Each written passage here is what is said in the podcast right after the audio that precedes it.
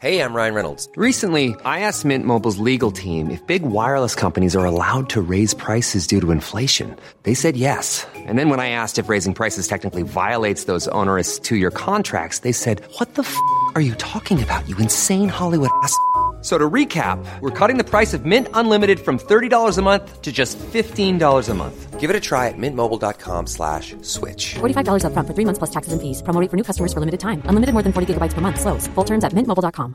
Quality sleep is essential. That's why the Sleep Number Smart Bed is designed for your ever evolving sleep needs. Need a bed that's firmer or softer on either side? Helps you sleep at a comfortable temperature? Sleep Number Smart Beds let you individualize your comfort so you sleep better together. JD Power ranks Sleep Number number 1 in customer satisfaction with mattresses purchased in-store. And now, save 50% on the Sleep Number limited edition Smart Bed for a limited time. For JD Power 2023 award information, visit jdpower.com/awards. Only at a Sleep Number store or sleepnumber.com. Hallå! Simon Gärdenfors heter jag och snart börjar min podcast Arkivsamtal. Podden ges ut i samarbete med Acast och med Mafia Comedy Club. Som ger er stand-up fem dagar i veckan i Stockholm. Mer info om det här hittar ni på maffiacomedy.se och på Ticknet. Detta händer snart. Idag när det här släpps så kör jag min soloshow en slapp timme i Edsbyn. Och den 2 januari så kör jag samma föreställning i Växjö. Biljetter kan köpas via Café Deluxe hemsida.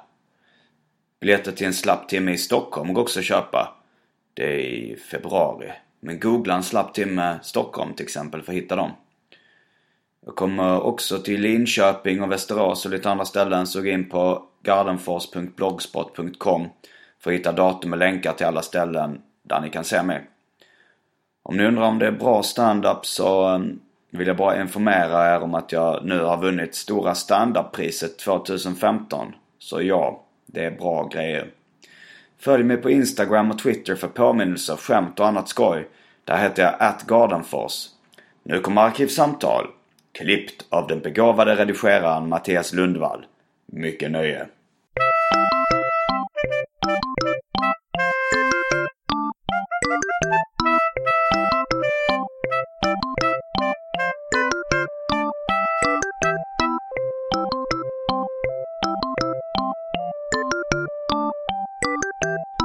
Och välkomna till Arkivsamtal. Jag heter Simon Gärdenfors och mitt emot mig sitter Martin Soneby. Välkommen hit! Tack. Du har varit med ett par gånger förr. Är det ett par gånger eller är det en gång? Jag tror att är En gång här och sen en gång i en extern studio på det som heter någonting Radio Skanstull. Du och- Ja, när Jan-Nisse Hallberg var med va? Det var också ett arkivsamtal. Det var ett arkivsamtal. Just det. Jag, jag förknippar arkivsamtal så himla mycket med den här lägenheten. Ja, jag skulle nog säga att 90% är inspelat här. Mm. Men, men ibland så packar jag ihop väskan och åker iväg. Jag har ryktas att du ska bygga en egen poddstudio. Ja, det, det är ju eh, målet, eller det är det jag siktar på nu. Eh, med eh, AMK morgon, eh, mitt, eh, mitt morgonradioprogram. Mm. Nu kallar du det radioprogram, inte morgonpodd. Ja, det, det, känns så konstigt. För att det känns ju direkt sen, så det blir någon, det är någon typ av radio, känns det som. Ja. Och sen lägger vi ut en sån podcast och alla, alltså... Hur är det lite med webbradio egentligen? Ja, precis. Men 95% lyssnar ju, eller mer, lyssnar ju som podd. Eh, fil, liksom. Men, eh, men det, det är ju direkt och det finns någon radiokänsla i det, såklart. Men eh, om jag får ihop tillräckligt mycket pengar så, så bygger jag gärna en egen studio. Det vore jätteroligt att ha ju. Eh, Det skulle vara så skönt att ha ett hem, liksom. För nu hyr vi ju in oss. Och de är ju skitbra, Beppo. Eh, Beppo ljudproduktion som vi spelar in hos. Och eh, det, det känns jätteskönt att vara där. Så här. Men eh, det vore gött att ha ett eget eh, ställe. ja.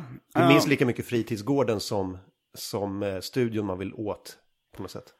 ja, om man har ett ställe att gå till. Ja, precis. klubbhus. Ja, mitt, mitt treehouse. där, där jag har min hemliga klubb. Där bara mina bästa kompisar får komma. Ja, men det hade varit roligt att bygga det så man måste klättra upp för en stege och sen... Ett riktigt treehouse. Ja. Rangliga plankor bara. Men om vi ska presentera dig för... ny, det kanske är så en, en ny lyssnare som kommer in och inte är så bekant med poddvärlden. Uh, Martin Sonneby, stand-up-komiker och podcastare. Det är väl de rollerna du har nu för Ja, jag försöker skala ner så mycket som möjligt så att jag bara gör det. Bara podcastare? Nej, alltså stand-up och podcast. Okej, det, är, um. det är för det är det enda jag vill göra med, med i hela mitt liv. Jag har, hitt, jag, ja, jag har hittat det jag vill göra nu. Det är så jävla roligt. Grattis. Tack. det tog bara 40 år. Är du 40 nu? Jag, jag fyller 40 nästa år. Jag är 39. Men eh, det, är- det är jätteroligt att göra podcast och, eh, och stand-up. Så allting som inte är det försöker jag bara så här, ta. Och du kan leva på det nu på podd och standup? Ja, Hur, hur mycket får du genom det här Patreon? Nu har ju, alltså ni som inte har, eh, har hängt med så har ju Acast brutit med AMK. men det var ingen riktig inkomstkälla egentligen. Det var ju lite ströpengar. Ja, Så att eh, det var, ing, alltså det var ingen, monetärt var det ing, ingen stor förlust kan jag säga. Ehm, men, ehm, men vi behövde ju pengar, jag behöver ju pengar för att kunna hyra in mig i studion. För studiotid per timme Mm. är ju jävligt dyrt. Nu har jag fått en bra deal av Beppo för att jag är där varje dag nästan. Mm. Men så nu har jag, nu är vi uppe i 5 000, nästan 5500 dollar per månad. Där Som lyssnare så donerar. Så det, det dras automatiskt. Det är som ett så här, Aftonbladet plus-konto. hur mycket är det i svenska pengar? Det är nästan 45 000.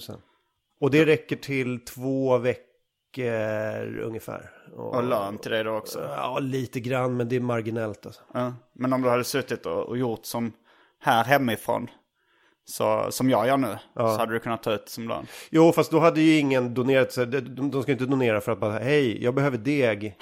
Utan vi har ju sagt att det här går till studiotid. Ja, det är för det, eh, då, ja. hade ju, då hade jag ju varit uppe i 7000 säkert, som, som är någon typ av, eh, som man brukar få. Så det här, vi, vi säger, vi är väldigt Brukar man få transparenta med det. 7000 i månaden om, om uh, ifall man bara vill ha det för Jag, att jag, jag, leva? bara tänker mig något existensminimum. Men, eh, CSN kanske? Ja, det men det är. hade liksom aldrig gått att göra det hemma för att det liksom hela mitt vardagsrum hade ju varit ett hav av sladdar och det hade Mm. kommit in folk hem till mig så här strax innan sju Ja. när min sambo ska gå till jobbet. Liksom, det hade aldrig... Och så har vi någon knackig bredbandslina där vi ska streama ut. Mm, det, hade, det hade ju gått i tre dagar och sen hade jag liksom skjutit mig själv tror jag.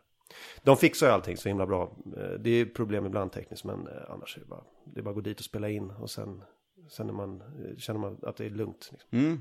Så det, det är bra. Men bygger vi studio då kan vi liksom fixa det där själva. Så. Hur är stämningen nu mellan AMK-medlemmarna? Tack bra. Det är det? Du vill inte prata om det? Ja, men det är väl, jag, Eller har du pratat om det mycket redan? Alltså i, i etern? Nej, inte skitmycket. Vi pratar, vi, alltså jag vill mest få, ska vi prata om vad vi pratar om?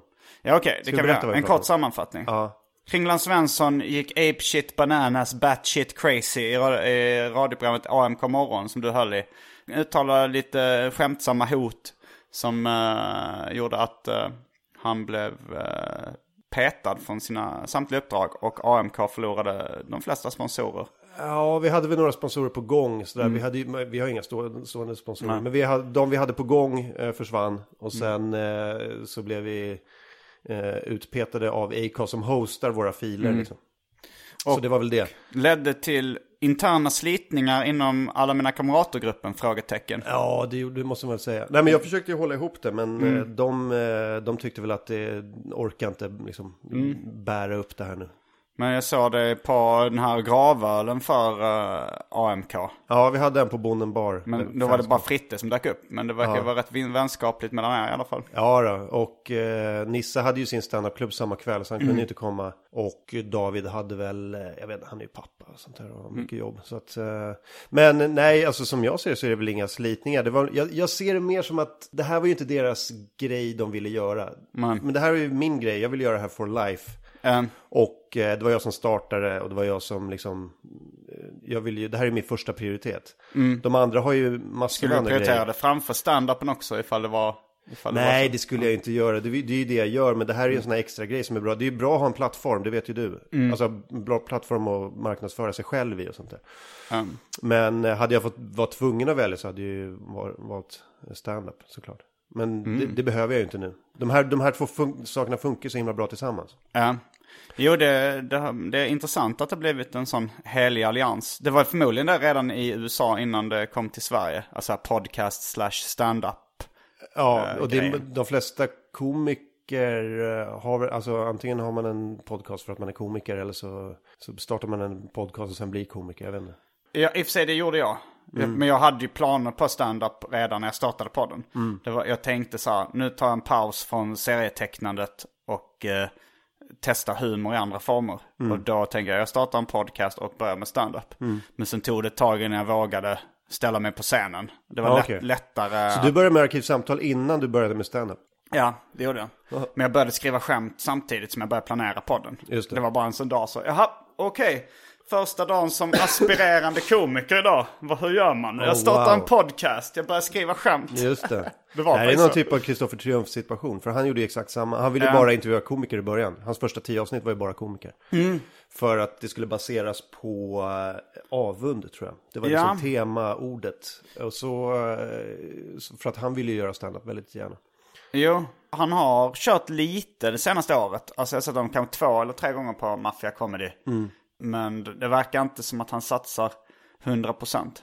Nej. Det- Och, det, och det, det förstår jag. Vad fan, han är ju över 40 och har en grej som funkar och Mm. är pappa. Det är, det är väldigt få som, Um, som släpper allting och bara, "Nej, men jag tror jag ska liksom göra skämt gratis i fyra år nu. Mm. Innan det börjar liksom hända någonting. Det, det, de oddsen är väldigt dåliga. Alltså. um.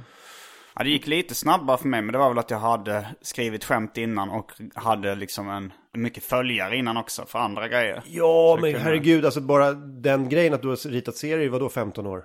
Eller? Ja, jo, 20 år. Det, är- alltså, det är ju skämtskrivande. Ja. Alltså ha någon typ av... eh, Jag har gjort skämtteckningar till och med. Det är ju som one-liners. Det så. där är ju, det där, det är ju inte så att du började från ruta ett på något Nej. sätt.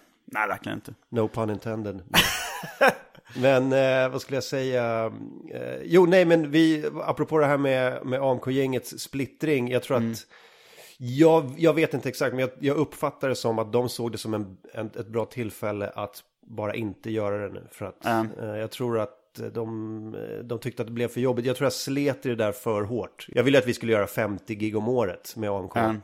Och eh, jag hade ju en hel affärsplan med AMK att vi skulle så här, göra allt, alla de här grejerna som skulle vi göra för intäktskällor och så bygga upp en hel verksamhet kring det. Men egentligen var det ju bara jag som ville göra det. Mm. Så eh, nu, nu, eh, nu, de tyckte att det blev för mycket tror jag. Och, eh, och sen när det här skiten slog i fläkten, då bara, "Äh, fan skit i det. Nu kan man fokusera på sina grejer. Så nu är det bara jag kvar. Ja, fast du gör ju samma sak. Fast det- då bara mm, ha ett rullande schema på gäster istället för... Ja, programmet är ju ingen, egentligen ingen skillnad. Det var jag som gjorde det mesta jobbet ändå. Så att det, alltså, i arbetsbörda så är det inte lika, alltså, det, det är samma sak. Eh, Det jag kommer att sakna är ju stand-up-showerna. För de var ju så jävla roliga att göra med, med AMK. Det, men ja, frågan är om du kan göra... Du har ju kvar liksom namnet AMK morgon på showen. Ja, Eh, skulle du kunna göra en AMK morgon stand-up? Eller AMK kväll eller något sånt där. Där du bara tar dig själv AMK lite... Late Night Stand-Up Bonanza. Ja, men sen så är det lite återkommande gäster som du det kan man absolut göra. Mm. Eller så åker jag bara ut och gör det själv. Ja, det kan du också. Du kan, det gör ju du. Jo, det gör jag. Jag tar, ofta, jag tar ofta med mig folk. Men nu ska jag faktiskt till Edsbyn ensam. Bowlinghallen. Ja, Love that bowlinghall man. Bästa arrangörerna någonsin. Eh, har du varit där förut? nej. De är fantastiska. De är helt otroliga. De, är, de är väldigt eh, pigga på att ta dit folk och sen så drar de, hela byn kommer ju.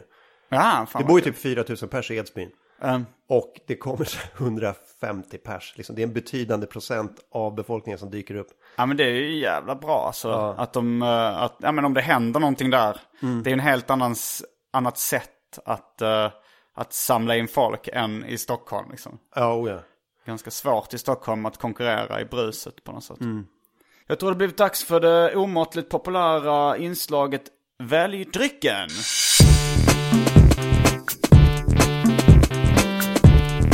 Jag tror vi börjar med det fasta inslaget Välj drycken! Kände hur min entusiasm i Välj drycken känns väldigt påklistrad. Men jag älskar det inslaget, alltså när du, när du tar in den, eh, den lilla eh, ljudslingan. Ja. För det där skrattet, det är kanske det gladaste skrattet jag har hört. Den där tjejen som skrattar. Maja Aspera Lind är det. Är hon serietecknare? Eh, nej, hon, eh, hon var radiopratare. När vi, när vi umgicks som mest så, så var, jobbade vi båda med och var sidekick i P3 Populär. Okej. Till Hanna Fahl, som var den första gästen. Otroligt bra skratt. Jag blir så eh, glad när jag hör skrattet. Ja men hon har... Jag blir, blir törstig. Eh, men det, det första som jag skrivit upp, det är Lindemans röda vin som eh, jag fick. Vänta, jag har en grej till dig. Har du det? Ja, jag har en grej och jag tänkte... Vä- vänta. Vi väntar. Här tar Martin fram en sportbag av skinn. Min, eh, min fina väska som jag fått i födelsedagspresent. Eh, jag tänker så här, för att i och med att du, du bjuder på dryck hela tiden. Ja. Så nu, nu har jag tagit med mig dryck. Så nu, jag tycker vi vänder på det här. Okej, vi nu är vänder det, på nu är det steken. väl i drycken från gästens håll. Men grejen var att det här röda vinet fick jag faktiskt av dig också. Det som jag hann läsa upp, Lindemans. Det var när vi hade kört Skämskudden-galan så var det Fy spons. fan, men det smakar ju apa. Har Jag du druckit det? Jag har tagit några glas, tyckte det var okej. Nej, det, var, det, det, Men det kan, blir vin i bag-in-box gammalt snabbt? Eh, det blir det, ja. Det blir det. Så att det, jag kan lika gärna slänga den eller? Jag vet inte, För det, det- finns någon bäst skämskudde före äh, stämpel där tror jag. Men jag, jag tror inte man ska ha det mer än några veckor. Alltså. Okej. Ehm, Men då presenteras dryckerna i det här avsnittet av Martin Sonneby. Tack. Ett nära samarbete med AMK Morgon. Ja, jättebra. Mm. Eh, Det du har att välja på då, Simon, är... Här har vi en öl. Det är alltså Dugges Avenyn Ale. Mm. Det är en American Pale Ale. En apa. Eh, Det är en apa. Vad är det för eh, styrka på den? Den har styrkan 5% tror jag. 5 jämnt. Är den från eh, Systembolaget? Det är den. Mm. Eh, Dugges är ett bryggeri i Göteborg som gör väldigt god öl. Ja. Sen har vi en Bundaberg Ginger Beer. Eh, Det är en eh, alkoholfri, eh, som ginger ale ungefär, fast är lite ginger eh, beer-aktig. Sen har vi en Fritz Cola med kaffe. Känner du till Fritz Cola? Eh, nej. Berätta lite om Fritz Cola. Jag tror att den är tysk och är lite så här handcrafted läsk. Sen har vi en Riesling som heter Sander. Jag försökte få tag i Wachenheimer, min favorit-Riesling. Men det här är en ganska bra motsvarighet, sa han, experten på systemet. Så eh, det är en, det är en torr ri- Riesling. Det påminner mig om den tyska discoartisten Frank Sander. Med låten Der Disco King. Som en kompis hade på rosa vinyl. Den ska jag kolla upp. Därefter har vi en Nils Oskar eh, Ale. Det är en så kallad Barley Wine. 9,9 procentig. Oj, herregud. Ja, den är, den är rätt eh, tung. Så att jag, jag, jag vet inte riktigt vad, vad, vad, vad vi kan göra med den.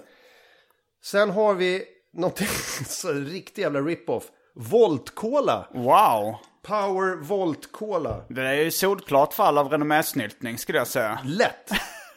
Den är, Varför den är- tiger pressen? Den är, och, he, och Varför sen, tiger har, Konkurrensverket? sen har vi en importerad Dr. Pepper. Är det något speciellt med den eller är det... Nej, det är väl bara det att den inte är licens- licenstillverkad. Den är direkt importerad från Ja, Amerika. jag är imponerad av ditt utbud. Det är ungefär lika mycket som brukar finnas i min kyl. Ja, det är, det är ju sju olika då. Ja. Jag väljer Dugges Avenyn Ale.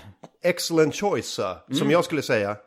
Eh, om jag var eh, Tack så mycket. Den är kall också. Det är din butler. Ja, det är klart den är kall. Vad, vad tar du då Martin? Jag tror att jag är rätt sugen på... Eh, jag tror att jag tar en Riesling faktiskt. Jag tror att ett Mm. glas Riesling. Har du vinglas? Eh, jag har margaritaglas. Det duger. Um, Duger gott. jag, alla sen- mina vinglas har krossats. Ja, jag, jag tycker det är jobbigt med glas. Alltså, jag, det, varför får, envisas man med att ha glas? Det, den här känslan kan man väl vänja sig av med. Man borde ha plexiglas, plast liksom istället. Bra, bra tanke. Alltså det, det är tänker dels att de går sönder, dels att det blir livsfarliga små knivar. Sant. Det är nog bara en tradition golvet. vi har. Ja. Att det var, det är någonting som... Men jag, jag tänker att med nya material, nanoteknologi och sånt där. Varför inte utveckla ett helt okrossbart vinglas? Jag tror att folk hade tyckt, nej men det är en viss känsla med det här gamla sortens glas. Precis. Känslan av att gå runt och vara rädd hela tiden för att skära sig. Det är som att vara gift med en psykopat. Det är också en viss känsla. Plötsligt så dyker det upp 18 knivar i handen på en. Som man inte kan hantera. Men då har vi strax tillbaka med en kapsylöppnare och ett margaritaglas. Som jag fått av Nisse Hallbergs mamma. Häng med!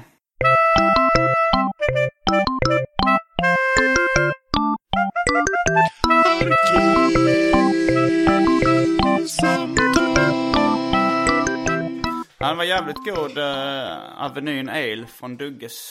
Dugges är nästan en nationalskatt. Min absoluta favoritöl kommer från Dugges bryggeri. Den heter All the way Session IPA. Jag har ju pratat mig eh, hes för den ölen. Ja, Bästa, pale, eh, bästa IPA jag har druckit. Och den är lite lägre alkoholhalt också, man kan dricka många. det- Schysst. Det, men du, men du, tog med, du tog inte med din favoritöl? Den var slut på systemet, så att, eh, det fick bli eh, min, min eh, näst eh, bästa Duggesöl. Ja, men jag gillar ändå... Vad är det för skillnad på IPA och APA? Eh, IPA starkare eller? Tror det. Jag tror, var det inte så att de åkte till Indien med ale och så i och med att det tog så lång tid så lagrades den i tunnor och blev starkare och starkare. Ja, men- också att för att den skulle hålla sig längre så hade de en högre alkoholhalt. Så att den, alltså alkohol är ju bakteriedödande. Ja, var det så det var? Jag för mig det var så. Och att de sl- slängde i mer humle som kanske också ger, ger Någonting Ta bort den unkna smaken. Det hade med resan att göra. Och sen har du dubbel-IPA, den är ju jättestark. Ja, och barley då- wine är ännu starkare. Ja, jag vet ingenting om barley wine. Men Du sa, någonting- du nämnde det innan. Ja, ja precis. Men, men jag, jag, har aldrig, jag har aldrig hört det förut. Eh, Men det, det är också någon typ av ale. Men den, den var ju CP-stark. Jag hörde om det i San Francisco där de hade, där liksom, där de fnös åt folk som fortfarande drack dubbel-IPA och de hade gått över till barley wine. Oj, oj, oj. Längre fram, om några år kommer man ju sitta där och dricka 20-procentigt. Och vad gott det är. Någon slags gyttja där det bara är mosad humle och alkohol. Det är picklad humle i alkohol i stort sett. Det är jättestarkt och jättegott. There's never been a faster or easier way to start your weight loss journey than with PlushCare. PlushCare accepts most insurance plans and gives you online access to board-certified physicians who can prescribe FDA-approved weight loss medications like Wigovi and Zepbound for those who qualify.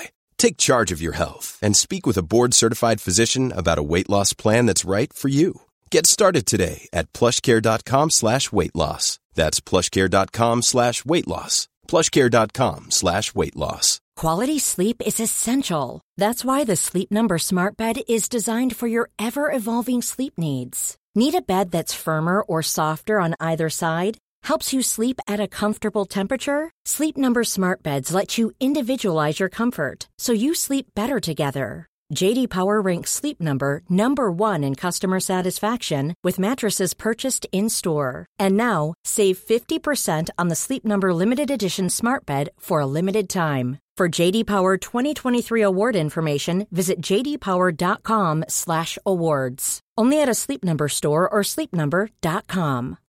Since 2013, Bombas has donated over 100 million socks, underwear, and t-shirts to those facing homelessness.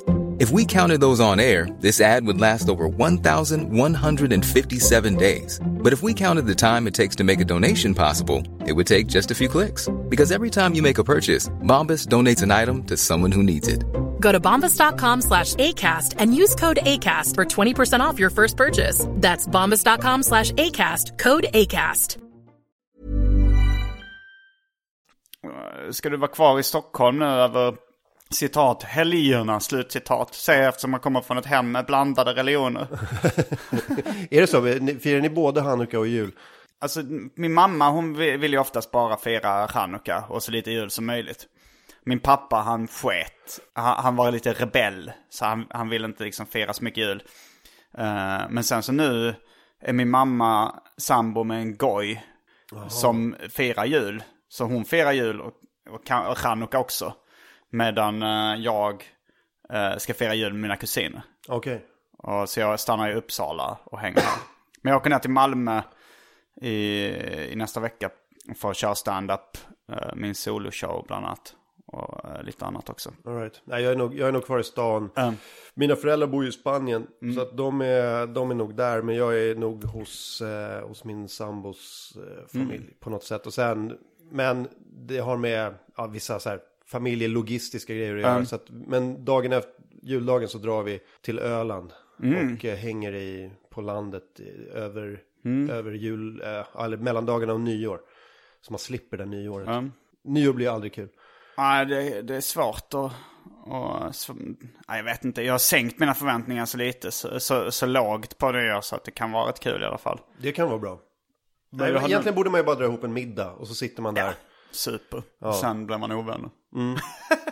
ja, men jag, jag ska ner till Malmö nu. Jag har, eh, det har varit lite en följetong i eh, både Arkivsamtal och Specialisterna podcast. Eh, Min konflikt med min mamma. Jaha. Eh, Som då började med att hon tycker att jag skämtar för grovt och vulgärt.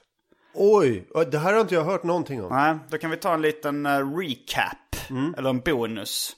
Du kom hem till din mamma full, hotade Åsa Linderborg. Nej. Nej men det, det, började, alltså, det har ju börjat, har ju börjat för länge sedan. Alltså eh, redan när jag, var, eh, när jag gick i mellanstadiet och, eh, och skrev liksom skoluppsatser. Okej. Så skämtade jag på ett vulgärt sätt. Och det kanske bara var konstig liksom humormässigt. Och så, så min lärare då som var en pingstvän och tyckte det här eh, är lite för mycket utanför lådan. Han kallade in mina föräldrar till ett extrasatt, extrainsatt föräldramöte. Och liksom läste upp mina eh, skoluppsatser och visade de teckningarna jag gjort till. Va, Det var- va, Alltså bara dina föräldrar och inte hela Nej, klassen? det okej. var, det Tror var det den. Tror det var alla föräldrar? nej. Titta nu här. Nej, Men det, det, var egentligen, det, var, det var egentligen inte så, det var, det var mer att det var surrealism och kanske lite pyton-inspirerad humor. Men det var liksom inte eh, så mycket sex och sådär liksom. Utan det var bara konstigt. Men jag trodde ju ändå då att mina föräldrar skulle backa mig. Ja. Och säga, men det här är ju bra grejer, låt honom eh, tänka fritt. Men eh, det gjorde de inte. De sa, nej men Simon du kan ju kanske göra sånt här på din fritid och inte på skolan. Och, Eh, så, så redan där kände jag att ja, de, eh, mina föräldrar gillar nog inte riktigt samma typ av underhållning som jag gör. Min pappa är lite mer, han, gillar han gillade Python och en rolig halvtimme och Svenska med och, och sånt där. Jaså? Eh, men Det är han- ändå rätt progressivt för Jo. en, eh, vad, vad, vad Kognitionsvetenskapsprofessor. 40-talist eller? Mm. Han har väl, alltså Edika är en fransk serietecknare som han uppskattar Ja, också. det där, alltså, det där måste vi prata om för att jag var, Mm. jag var också, jag var inte ett superfan av det men jag köpte ju de Mm. eh, Python-tidningarna när jag var, för vi är typ lika gamla. Ja, Eh, när de var i, eh, i, i affären. Jävla Edika var ju crazy. Ja, han är rolig. Edika uppskattar min farsa också, så det är ju ändå... Men sen så kom det stora kulturell, alltså konflikten med mina föräldrar beroende på min underhållning kom nog när jag gjorde eh, Simons 120 dagar. Eh, som är då en självbiografisk bok om hur jag reser runt i Sverige och bor hemma hos kända och okända, alltså så folk jag känner och folk jag inte känner som bara anmält sig på min hemsida. Men det är väldigt mycket att jag knarkar och har sex med mycket olika folk. Inte alla jättegamla. Alla dock lagliga. Mellan Men, eh, 18 och 19. Alltså du, du, jag tror du har missuppfattat, eh, du har missuppfattat gränsen. Nej, jag, jag vet inte, jag tror, jag hånglar med en 16-åring i den. eh, men, eh, men eh, jag Jag har säger sex med grattis. Ja, det, ja, det beror på. Det, det var bara det. det. Det är ju... Folk tittar ju snett på sånt. Absolut. Det, och och, det, det var jag ju fullt medveten om. Eh, och det var där, delvis därför. Jag gillar den typen av underhållning där folk ryggar tillbaks med gråten i halsen. Och sen, men mina föräldrar uh, blev väldigt upprörda av den boken. Och, och då fattade även mina föräldrar att även så att texterna om drogerna, texter om droger i liksom låtar och sånt, att det inte bara var totalt påhittat utan att det hade en viss verklighetsgrund. I'm for reals, yo, säger du till dina föräldrar när du kommer hem på helgerna. This nigga be for reals. Men det är väl... keep it men vad- men kom, blev det några konsekvenser? För det kan ju inte bli några konsekvenser. Nej, för då här, var, jag, då ju- var jag 28 liksom. Ja, precis. Så Vad det, kan- det var, vad kan de göra? Konsekvenserna var ju bara den här besvikna minen. Ja. Sätt, sätta oss ner och prata. Mm. Eh, du vet, och, och min mammas upprörda ton. Men, men jag gillar ju inte liksom, alltså, jag, jag vill ju inte bli påverkad av, av vad mina föräldrar tycker. Eh, jag vill helst inte att de kommenterar mina grejer för att det, det blir ju- Man mår ju ändå dåligt när ens föräldrar ger en den här besvikna minen liksom. Eh, så jag har bett min mamma att, eh, att inte kommentera de grejerna. Men hur kommenterar de det? Skickar de sms och... Hon ringer, hon skickar sms, hon skickar e-mails. Men det här, måste, det här har ju ändå pågått i tio år nu i så fall. Om det började Ja. med, med Simons 120 dagar. Ja. Har du inte förstått att det liksom är lönlöst? Kan du inte bara så här, Det låta det hon vara? Ja, men, men det kommer, hel, det kommer liksom lite då och då. Men på sista tiden i och med tv-programmet Samhällsljud som jag gjorde med Frej. Så fick vi ju lite mer utrymme i mainstream media. Och då så tyckte min mamma det var extra jobbigt. Det. För att då kunde hennes väninnor och våra släktingar läsa om det. Just det. Eh, när jag, för jag tycker det är roligt, och jag sa ju liksom i TV4s ny, i Nyhetsmorgon att jag ville bli rövknullad i ryskt fängelse. Just och jag pratade om uh, och suga av en häst i eh, Sydsvenska Dagbladet. Så, som min mamma påminner om. Det hade jag helt glömt att jag hade pratat om. Just det, det, är, det, det, är, det är olagligt att suga av en häst, men det är lagligt att, att ha ihjäl en häst. Ja, det, var, det, det det. Det tror jag vi har pratat om någon gång också. Ja, du var Men, med i- i ehm, det, var, det var nog det som jag, jag tog upp då i Sydsvenskan. Men min mamma blev rätt upprörd. Skrev ett, ett långt mail där hon eh, tyckte att jag skulle eh, tona ner min humor för, eh, för hennes skull. Och det, och det vet man ju att för någon som håller på med humor så är ju det det bästa sättet att få någon att tona ner sig. hela, hela våran existens går ju ut på att det, när det är någon som står på skolgården och stampar i backen och skriker Sluta reta mig! Det är ju sån, det är sån trigger för en liten retsticka att bara fortsätta. Det det, det är det sämsta man kan säga till någon. Men hon var även upprörd över eh, till exempel postern till The Anal Calzone Tour. där Gud blev rövknullad av en jättestor pizza. Eh, så det skrev hon också. Där, redan då så var hon, ah, nu, har, liksom, nu har det gått för långt och hon tyckte det var jätte, jättejobbigt liksom. Vet du vad som är nästa steg i det här? Nej. Det är ju att du sitter här, kanske har en så här ensam podd, alltså Mm. arkivsamtal bara med dig själv. Och så läser du upp mail så din, din mamma har Jag har skrivit läst upp. eh, Du har gjort ja, det? jag har gjort Ja, men det är jättebra. Kanske borde, i specialisterna podcast har jag kanske läst upp någon av breven. Och du borde ha en timme där du bara läser upp mail från mamma.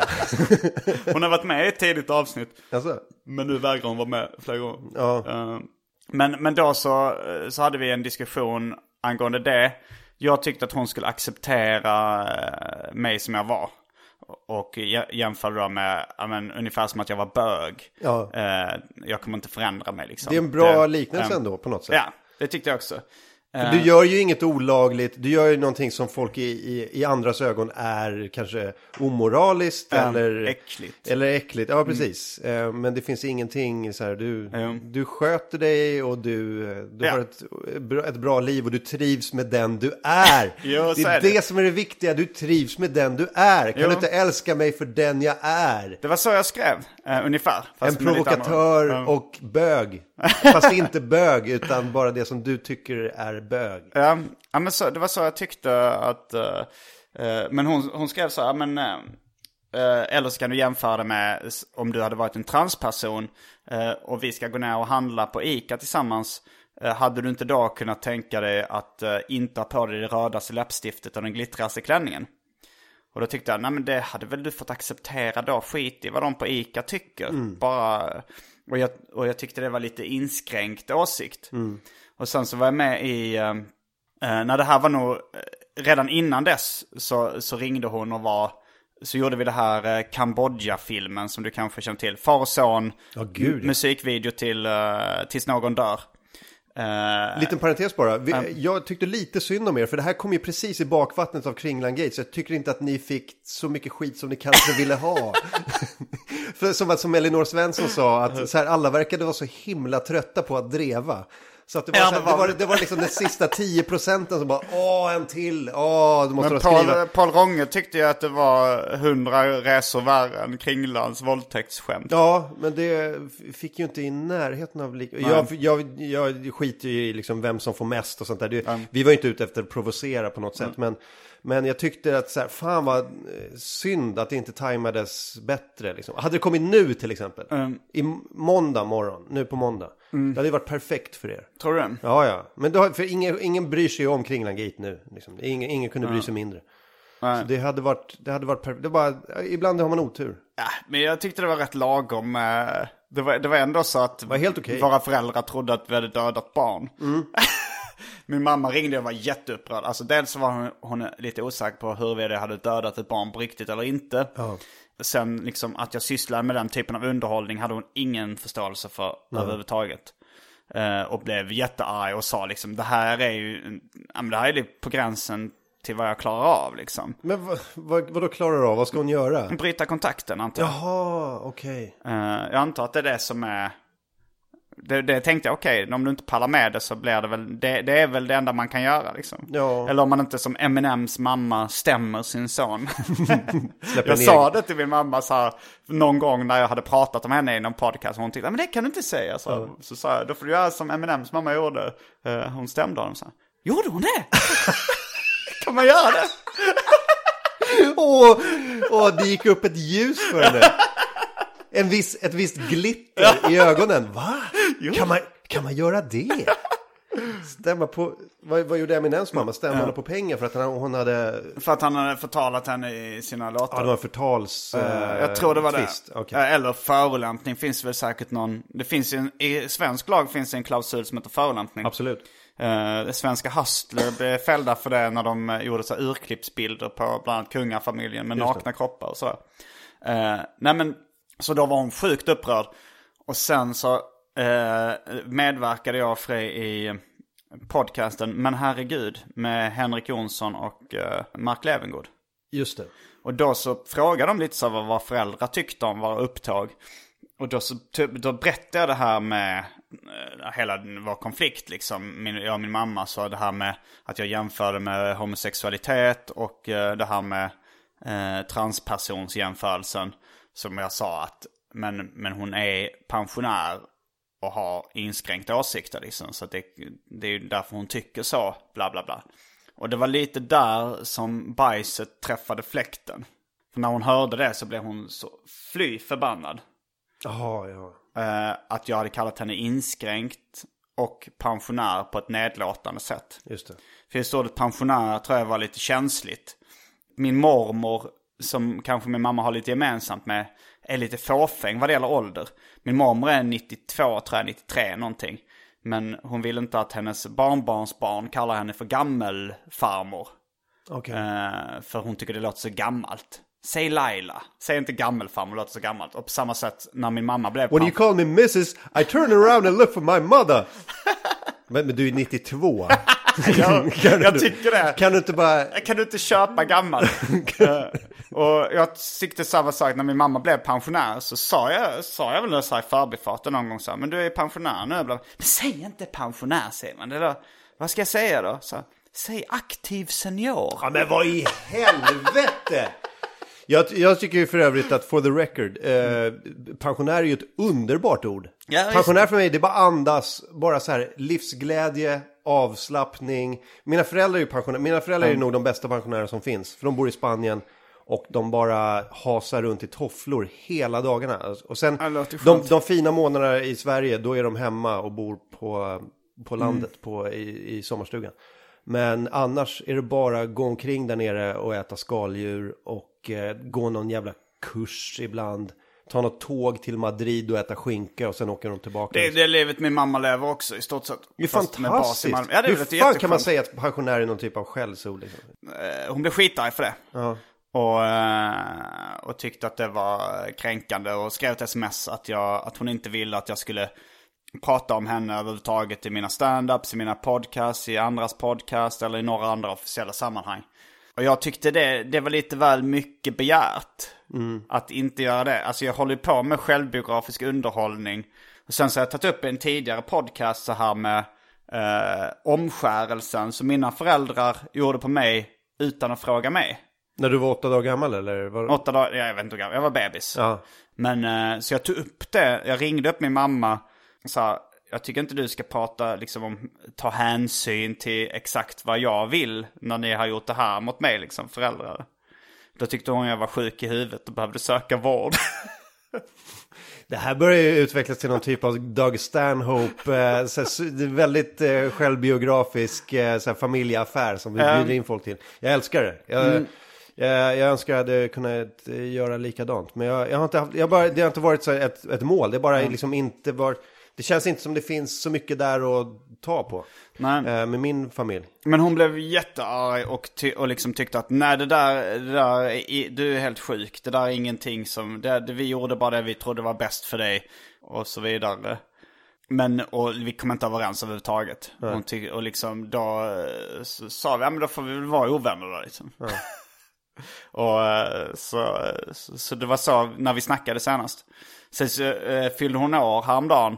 Då var jag ändå så här, jag gjorde det slappast möjliga. Det var så här, bara säga till mina syskon så här. Det hade jag sagt för länge sedan. Ja men jag kan vara med på er present. Jag cashar in lite. Ja, den där, ja just det. Ja, men det kan man göra ibland. Mm. Men, så, men, men jag fick ändå så här ett eh, sms från min mamma så här. Käre son, tack för presenten. Ja, okej. Och då skrev jag så här, eh, varsågod, grattis, utropstecken. så vi har, det känns som vi har ändå haft någon form av kontakt sen efter det här samtalet. När jag trodde att det var så här, okej nu har vi brutit kontakten på obestämd framtid liksom. För jag har ändå så här börjat eh, hitta andra ställen att bo på. Jag brukar bo hemma hos henne när jag är i Malmö. Jag ska ner dit nästa vecka och sådär. Nu har jag ändå fått ringa runt till kompisar och säga, ja men kan jag bo hos er? Men är inte det, alltså, jag vet inte om det är, är inte det rimligt? Är inte, är inte det lite naturligt att man kanske inte ska vara så? Jag, jag upplever ibland att folk som är supertajta med sin familj och sina föräldrar, de är lite avvikande. Jag tror att det är nytt, eller det kanske finns i oss, att bara man ska bara skjuta det åt sidan när man har växt upp och, och kanske inte ha kontakt. Så, så, för så går det ju till i djurvärlden. Liksom. Men vi, alltså, om, man, om man ser oss som djur, alltså om det finns något, något djurlikt i oss hela tiden, en reptilhjärna eller en, en, någon typ av aphjärna. Mm. Eh, och det, det yttersta membranet är någon typ av människa, högre stående eh, varelse. Så, så kanske det är så att man ska ta lite avstånd från sin familj, flytta eh, en ganska bra bit från, från sin ursprungliga familj, starta en ny familj och så fortsätter det så tills liksom för så har ju jorden blivit, människan har spridits över jorden. Det är ju ganska dåligt argument ofta det här med att man ska göra som de gör i naturen. För då är det rätt mycket så här döda och våldta varandra. Och, alltså, så det är ju lite bättre med men ett civiliserat nej, men det, samhälle. det jag menar är alltså, man, man kanske inte ska göra det. Men om det sker så är det inte jättekonstigt kanske. Nej. Av, ur ett, någon typ av eh, evolutionsbiologiskt vis. Jag, jag, kollar på eh, hundar är ju likadana. Alltså, Mm. Mamman har ju sina valpar i Morsan tycker att hunden skämtar för grovt och det eskalerat. Morsan tyckte inte att hunden skulle ta upp henne i sin, sitt Sin seriealbum.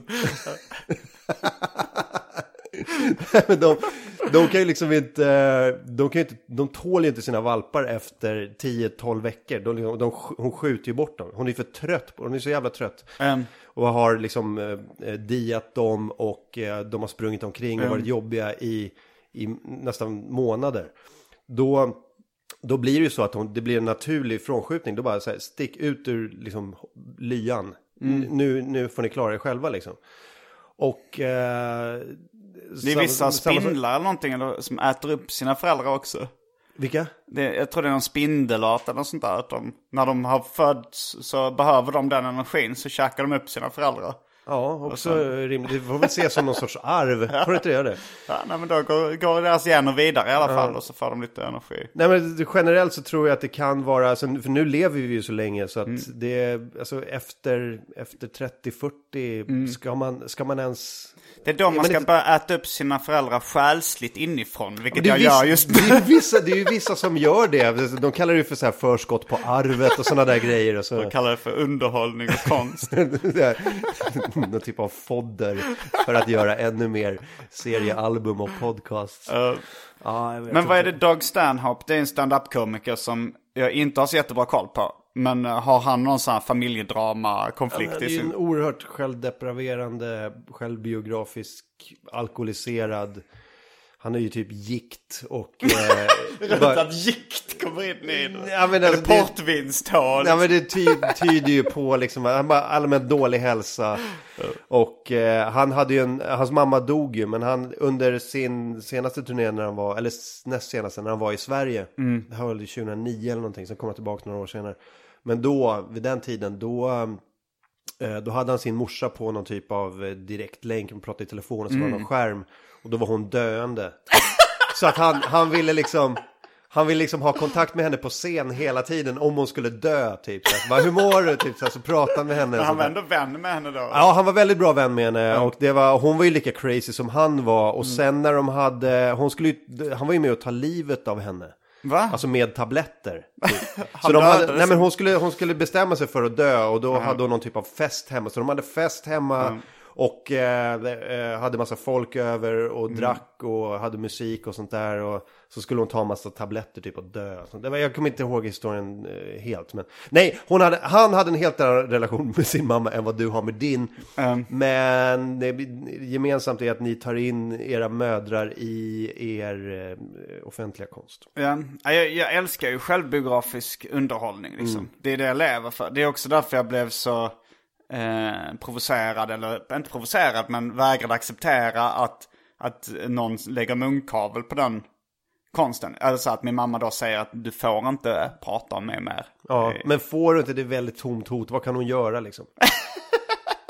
vad ja, kan det ändå, göra? hon kan ju eh, bryta kontakten. Ja, precis. Och det, Men- det, det, väl det, det var väl det lite hon hotade med, mer eller mindre. Och då så, och då så sa okej men det så det får bli. Så, då, då var det ju den här känslomässiga, men tycker du det är värt det? Tycker du det är värt det? Så, så här, men du har ju också chans, tycker du det är värt det? Mm. Men, men det, hon tyckte väl att det här, hon kände sig kränkt. Mm. Hon använde ordet kränkt och pensionär var ju det, eh, att det tog hon upp gång på gång på gång. Att jag hade sagt pensionär på ett nedlåtande sätt. Men du vet att du inte gör det bättre nu va? Genom att prata om det så här. Nej, men jag menar, det, Alltså det blir bättre underhållning. Jag säger som- era, era, det är ju på bekostnad av er relation. Jag säger som eh, Kringlan uh, Svensson sa, nu, lika, nu kan man lika gärna bara gasa på ut i vildmarken. Gasa ut i vildmarken, jag älskar det. Jag älskar att man gasar ut i vildmarken. När man inte har någonting kvar. ja, det är en frihetskänsla att gasa på jag ser den, jag, när det är en film, jag ser den bilden framför mig, ett helikopterperspektiv och så är det bara en liten prick och så är det ett dammoln bakom. När han gasar ut i vildmarken. Nej men det, det, det är olika, mina olika vänner har ju liksom olika syn på det här. Vissa tycker så här, ja men dina argument är fullt rimliga. Och eh, nej men det, det kan inte så mycket att göra ifall man har en relation med någon eh, där man mår dåligt hela tiden. Så är det naturligt att bryta liksom. Men vissa har lite mer eh, sydeuropeiska, gammeldags, eh, arabiska synen på eh, mamman. Att mamman är helig. Ja, mamman och är helig, det du går ska inte att respektera dina föräldrar liksom. Det är väl den där skillnaden typ så här, den här, det, det här etiska problemet med båten. Typ, eh, du kan bara, din, din dotter, din fru och din mamma ligger i vattnet, du kan bara rädda en. Och eh, alltså, i västerländsk civilisation så räddar man sin dotter för hon är liksom mitt, mitt kött och blod och hon har livet framför sig. Men eh, i, eh, i sydländsk kultur så är det mer mamma för att du kan alltid skaffa en ny fru och en ny dotter. Men du kan, du kan inte ersätta din mamma. och inget av dem är ju fel, det är väl bara väldigt olika sätt att se på det. Det, jag, tror, jag tror det var Albin Olsson som hade en väldigt rolig analys. För jag sa, men din mamma hon älskar ju judisk kultur och tycker liksom det, hon konsumerar i stort sett bara judisk kultur, judisk underhållning. Hon borde ju vara stolt över att det är en sån typisk judisk underhållningsgrej att ha den här konflikten med mamman. If you have a konst. mother you have an act. Klassiskt stand-up uttryck. Vem är det som säger det? Nej, Det är väl gammalt, jättegammalt. jag vet inte, det, det finns väl ingen upphovsman på det. Men så här, if you have a mother you have an act. Det är väl det som de säger om stand-up comedy. Vad du, ja, men du har bara en bra relation till dina föräldrar? eller? Nej, för fan, den är skitdålig. Men du vill inte prata om den offentligt? Jo, men det kan jag göra. Jag har aldrig gjort det tror jag. Men eh, den, är, den är jättespänd och konstig. Typ, alltså inte ens värre än din. För att vi pratar ju inte, jag har inte pratat med min morsa på tio år. Du har inte pratat med din morsa på tv? Nej. Och det säger du nu? Ja.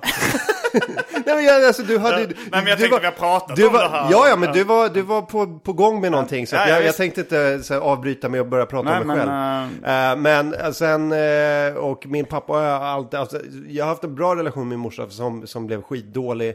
Och sen, men, Men för du berättade att dina aldrig föräldrar var härliga pensionärer nere i Ja, Spanien. men det har ju ingenting med min relation till dem att göra. Det har ju bara med att de verkar ha ett bra liv. De har en skitbra lägenhet i Spanien, de har sålt huset i Sverige och så Okej. bara lever de gött. Så på så sätt förebilder. Men vad grundar sig konflikten i då? Jag tror att, men jag har ju en 40-talistpappa. i sig, Det är väl ingen som kan prata med sin 40-talistpappa. Nej, det är lite svårt. Alltså jag pratar med honom, men han... eh, man får dra ur honom allting som har med känslor att göra. Ja, ja. Hur länge sedan var du pratade med din pappa då? Ja, men det var ganska nyligen för att Mm. när Kringlan Gates slog till. Det, det är det sjuka, min pappa är ju fan på Twitter. Vad Men- heter han? Nej, det ska jag inte säga. Han heter, det finns ett Soneby där i alla fall. Eh, men eh, då hade någon, för jag har ju typ så här 40 mockkonton som Mm, vet, Martin Soneby på olika sätt. Va, vad var, vem har startat dem? Ja, massa olika människor. Du bad folk starta mockkonton? Nej, jag bara sa det vore ju kul om vi kunde, nej, jag, jag, det var en lång historia, men det slutade med att så här, 40 pers bara startade olika Mm. Eh, konton. Men då var det någon av de mockkontona som hade skrivit till, eh, till min pappa och bara så här, kan du ringa, det har hänt en grej. och, så, och så ringde han, ringde han och så bara, vad är det som har hänt? Jag bara, vadå, ingenting har hänt. Vad, du, du skrev på Twitter att det har hänt en grej. Jag bara, jag har inte skrivit till dig på Twitter och sagt att det har hänt en grej. Han bara, ah. och så pratade vi i sju minuter och bara, hur är det läget? Ja, ah, nej, men det är bra. Hur, hur själv? Ja, men det är bra, rulla på. Men då hade ni Tystnad. inte pratat på länge eller? Nej, vi pratar inte så ofta. Okej. Men, men det här, va- varför har du inte pratat med, med din mamma på Ja, men det blev en sån falling out för länge sedan. Jag, jag upplevde ju precis som du upplever med din mamma att hon upplever ju att du hänger ut henne på olika sätt. För mig var det samma sak, men, men att det var som att hon hängde ut mig för sin, eh, sina syskon och sina eh, vänner. Eh, Alltså allt, allting som hände mig, det var bara så du vet, så här, pladdra i telefon om det. Inga, liksom finns ingen sekretess, ingen typ av så här, det här, det här håller vi inom familjen. Och jag har påpekat det upprepade gånger bara, det här är ju, det här är liksom mitt liv, det här är ingenting som du pladdrar med för dina liksom, systrar och, och kompisar. Och hon bara, hon fattar inte det. Hon bara, men vad, vad menar du? Det är väl, det är väl, vadå? Det är väl inga problem. Jag, Så du är på min mammas sida i den här konflikten? Nej men när det gäller, och, och, och då, gjorde jag, då gjorde jag en grej av att jag, alltså så här, för jag tycker ju på något sätt att familjen är viktigt. Det som sker inom familjen, det kan man hålla inom familjen.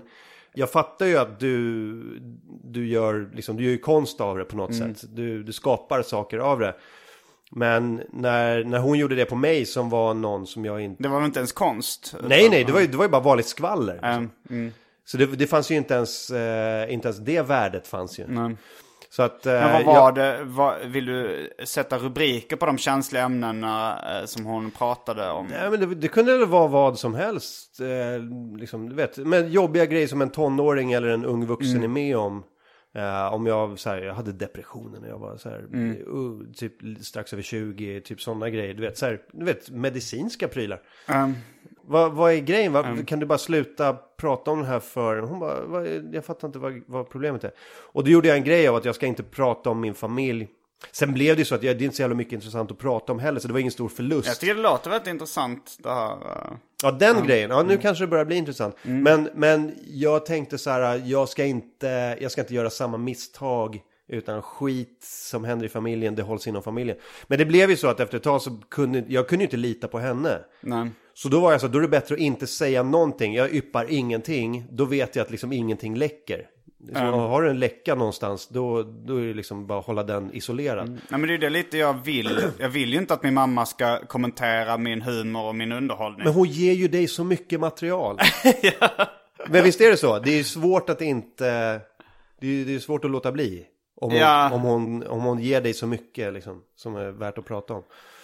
Jo, det, jag vill ju prata om de sakerna som ligger mig nära om hjärtat liksom. Mm. Alltså så här, det som händer i mitt liv, mitt känsloliv och sådär. Mm.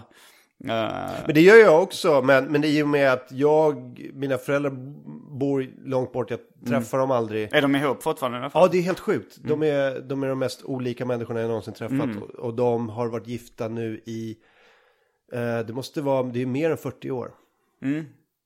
Men det känns ju ändå bra på något sätt eh, nu för mig. Alltså nu har ju vi, eftersom vi smsade igår så var det inte att vi har brutit kontakten helt uppenbarligen. Nej. Men jag kände ändå att, eh, att det var så här, alltså det, det är ju ändå en obehaglig känsla att ha en konflikt eller bryta med någon förälder. Men det kändes när du berättade att du inte hade pratat med mamma på tio år så kände jag så ah vad skönt. Man Ja, kan, ja. Men man alltså- kan dela det här. Ja, men ve- vet du hur, alltså vilken sten som lyfts när jag var så här, när jag, när jag la det ifrån mig för typ tio år sedan var jag så här, det här behöver inte ens jag ta i. Nej. Jag har inga skuldkänslor för att, det, det är inga problem. Nej. Inga, jag har inga som helst problem med att lägga det åt sidan.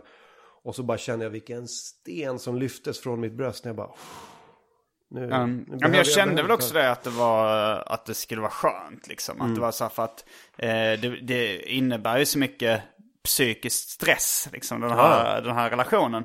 Eh, men sen så är det ju hela tiden att folk säger till, folk skriver till mig på Twitter, make peace with mother och så vidare. Eh, och vissa kompisar tycker att ah, men det, det, du måste ha kontakt och bla. Varför då? Ja, varför? Jag, fattar inte varför. Ja, det, det är inte, inga- så- det är inte så att varenda björn eller älg i skogen, ja nu kommer ju den här djuren upp igen.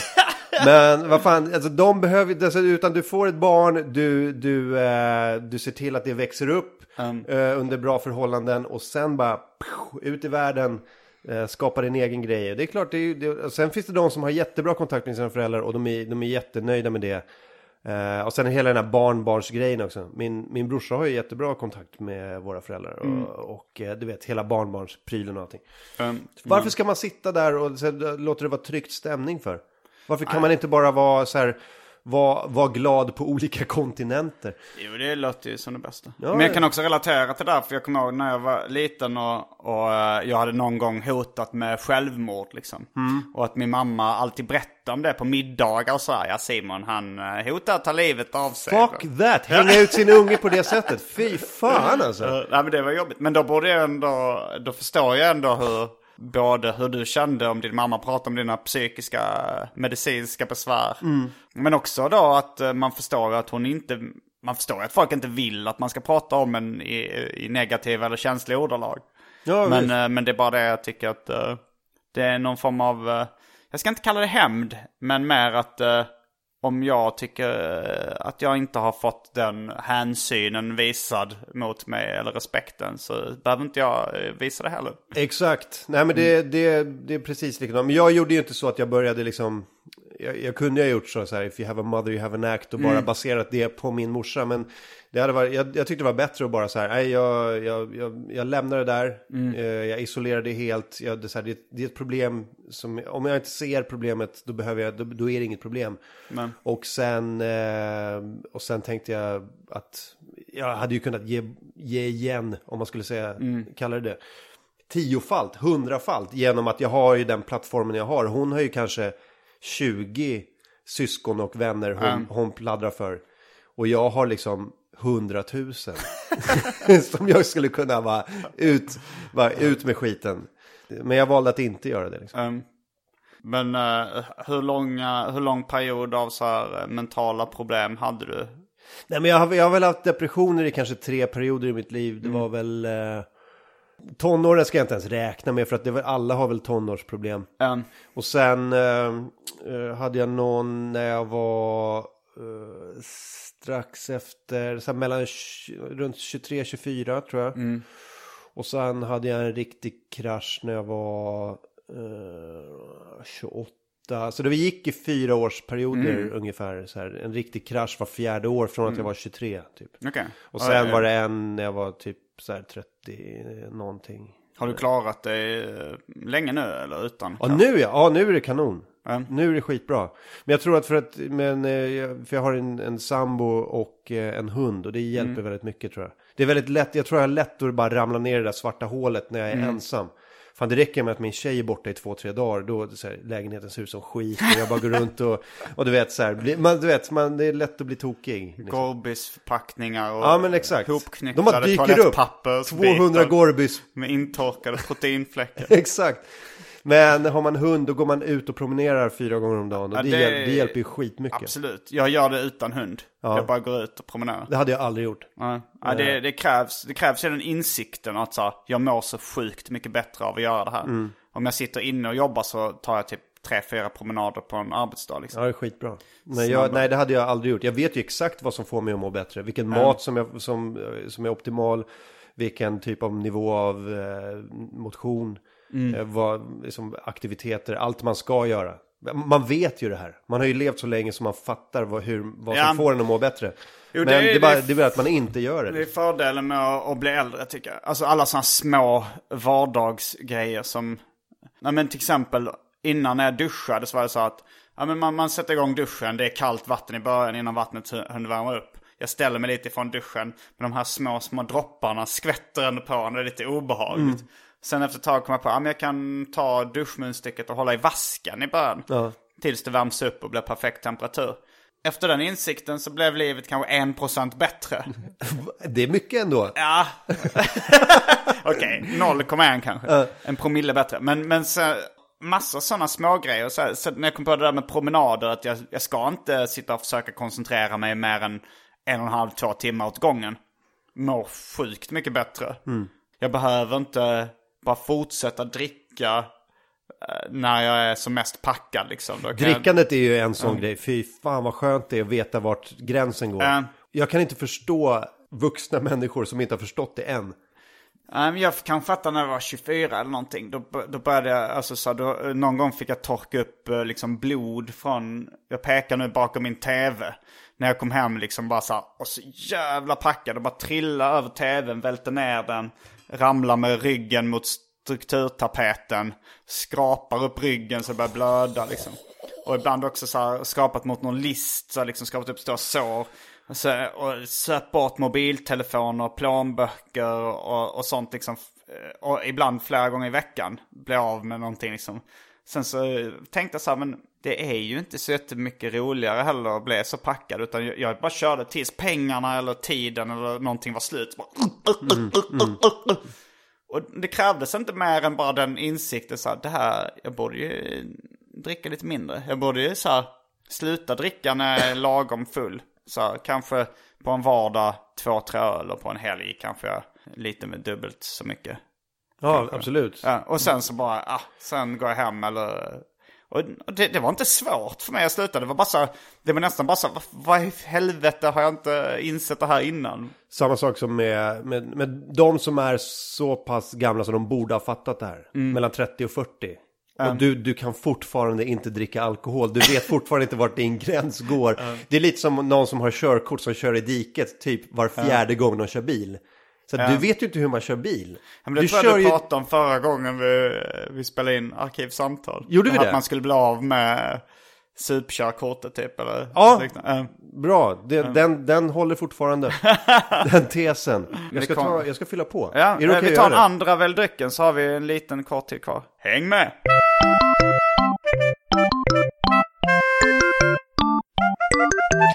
Då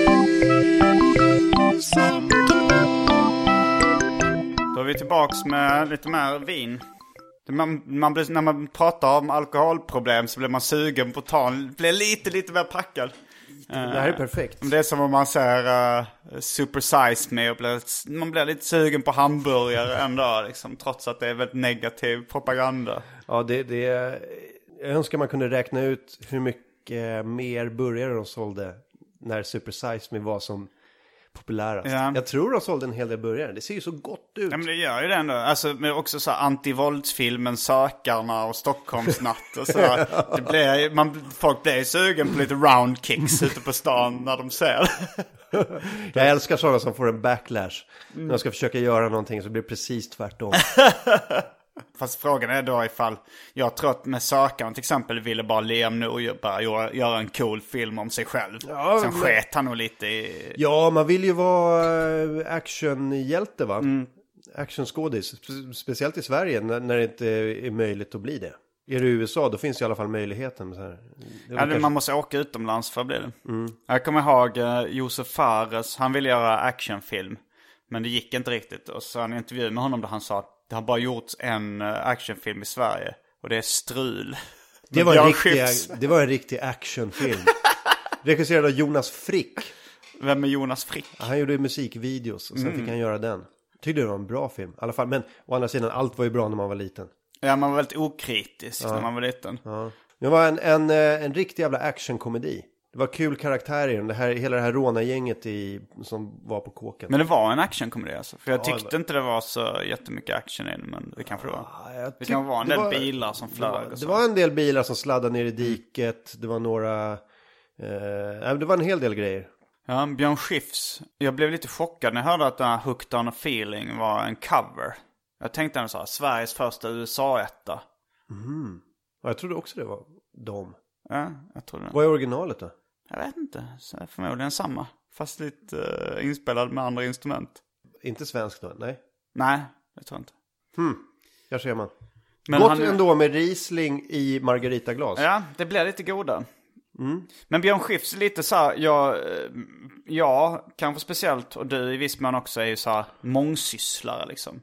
Att, så jag kan ändå känna ett släktskap med Björn Skifs där. Han har ändå hållit på rätt länge som så här musiker, filmskapare. Jag kan säga så här att jag känner noll släktskap med Björn Skifs. Ja, det, är... Och det, och det är inget ont mot Björn Skifs, jag tycker han är fantastisk. Eh, både vad gäller musik och, eh, och annat han gör. Han är ju lätt tv-program. Eh, Han är väl en sån allkonstnär i underhållningsbranschen. Eh, börjar med musik och sen eh, kan han skådespela och han, kan göra, han kan göra allt möjligt. Det är kanske där uh, jämförelserna tar slut, att han gör mycket olika saker. Jag, jag känner inte att jag har, jag har väl egentligen inte så jättemycket. De, ingen skulle nog säga, ja ser man han är lite nya tidernas Björn Skifs. Ja, du är väl en sån en underground Björn Skifs då? ja, men du gör ju massor med olika saker. Se- Ja, ja. Serieteckneri, musik, stand-up, Podcast. podcast. Vad Är det något mer? Jag vet inte. det, Du skulle säkert kunna skriva grejer också. Jag menar, du skulle kunna skriva... Så, gav du det fan på det så skulle du kunna ha en, någon typ av krönikplats Ja. någonstans på en tidning. Ing, det är ju inga problem. Nej. Så gör, om du gör 40 sådana, då kan du kalla dig krönikör också. Um, nej men jag har funderat på någon gång att skriva en, eh, alltså en roman också. Alltså jag, jag har ju skrivit pros, självbiografiska prosatexter. Men är- jag gillar ju den typen av uh, självbiografiska eh, romaner. Det är många stand-up-komiker som gör det, liksom, sina biografier i stort sett. Eller sina, vad heter det, memoarer liksom. Steve Martins memoarer är jättebra. Ja, de var fantastiska. Den läste jag. Tror jag nästan jag började gråta när jag läste den, av någon anledning. Jag vet, det var något parti där som var helt magiskt. Jag älskar att läsa eh, även biografier som folk inte har skrivit själva. Jag gillar Seinfeld-biografin. Jag har nog läst så här, men jag har nog läst 50 olika biografier eller någonting. Var, Steve Martin, Seinfeld, var det fler komiker? Jag läste nyligen eh, Rodney Dangerfield. Oj, Det var hans självbiografi. okej. Sen har jag läst, eh, jag har läst en bok om Larry David. Hittar du någon gemensam så här, tråd? För jag är intresserad av liksom, det mentala tillståndet eller personlighetstypen hos alla. Hittar du någon gemensam personlighetsdrag hos dem? Inte så jättemycket. Alltså förutom uh, hårt arbetande så är det svårt att hitta något uh, jättegemensamt. För som Seinfeld verkar vara rätt easy going. Inte ha så mörka sidor liksom. Medan de flesta andra har ju det. Jag, jag tror jag läst om det också att, att det, den konstnärsmyten är ju ganska mycket det att man, man ska ha en uh, mörk sida. Vilket jag har och de flesta har. Men det har ju de flesta människor. Så jag tror att konstnärsmyten är mer som så här att det är bara ett utsnitt av, av eh, resten av verkligheten. Att det kan vara någon som är ganska easygoing men det kan vara någon som är djupt deprimerad eller eh, någon som mår jävligt dåligt också. Ja, absolut. Men det finns ju ändå alltid underhållare som, som inte har speciellt mörka sidor. Jag tror det är lite önsketänkande att folk vill att det ska vara så. Folk vill att konstnärer ska ha väldigt mörka sidor. Den, eh, men den bästa konsten tycker jag är ju den som, som gräver där den står och som är personlig. Och man, Ja. man lär känna den som, som eh, producerar den. Men, det, men det, grejen med Seinfeld är ju så alla är överens om att han är ju en briljant komiker, tekniskt på något sätt. Mm. Men jag, jag har ju sett så mycket Seinfeld, jag har sett förmodligen alla Seinfeld-avsnitt. Eh, Mm. av hans sitcom. Jag har sett alla hans specials. Du vet man har grävt på YouTube, alla hans Letterman. Mm. Har han många specials? För jag har i stort kanske- sett bara sett den här uh, I'm telling you for the last time. Ja, och sen är det en till i alla fall. Det finns en som heter Comedian där han typ Ja, precis. runt. Den dokumentären. Men man har sett väldigt mycket. Finns av det Seinfeld. någonting mer än det? Ja, jag tror det. Special? Ja. Men man har, man har sett eh, väldigt mycket av honom. Mm. Men det känns inte som att jag känner honom. Nej. Inte genom hans skämt. För han... De flesta som man ser, som man, man, känner, man lär känna dem genom Louis CK. ehm, Ja, Louis eh, CK känner man ju eh, mer. Greg, Greg Giraldo. eh, vad har, vilka har vi mer? Eh, Patrice O'Neill.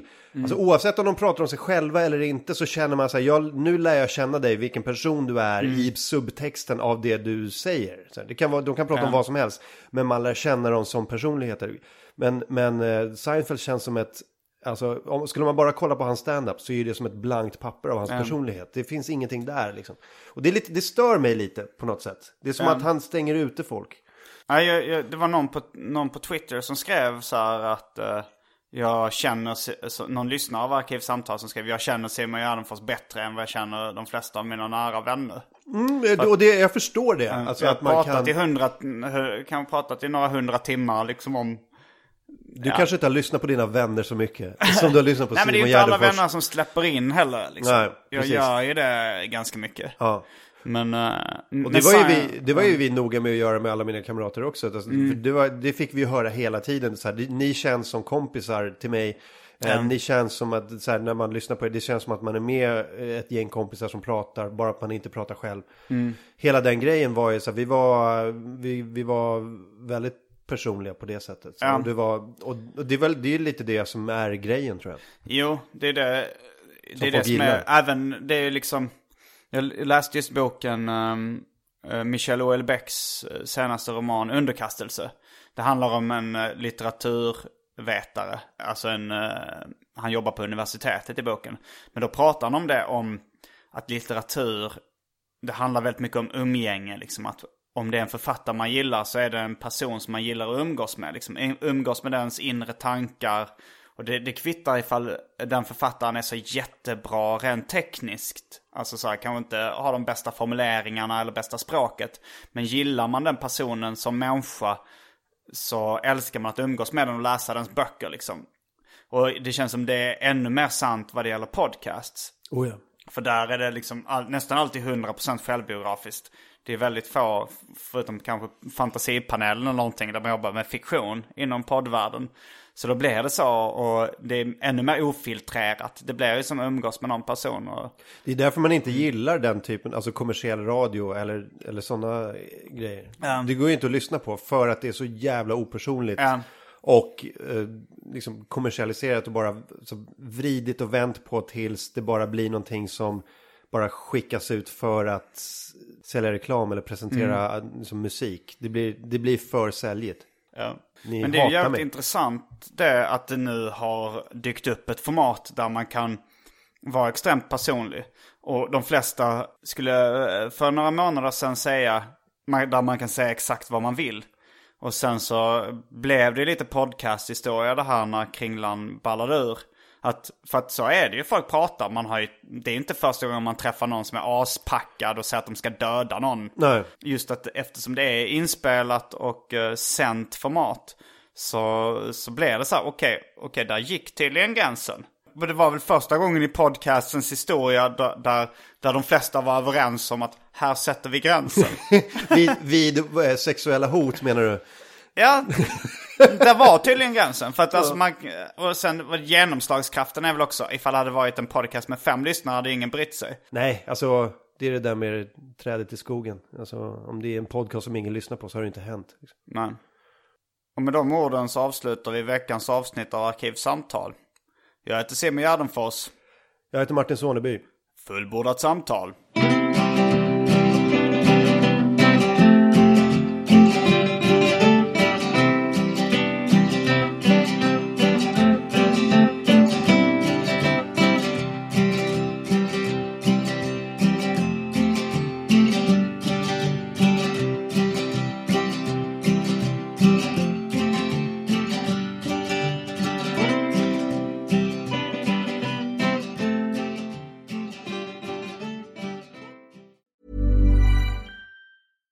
Ever catch yourself eating the same flavorless dinner three days in a row? Dreaming of something better? Well, HelloFresh is your guilt-free dream come true, baby. It's me, Kiki Palmer. Let's wake up those taste buds with hot, juicy pecan-crusted chicken or garlic butter shrimp scampi. Mm. Hello Fresh. Stop dreaming of all the delicious possibilities and dig in at HelloFresh.com. Let's get this dinner party started.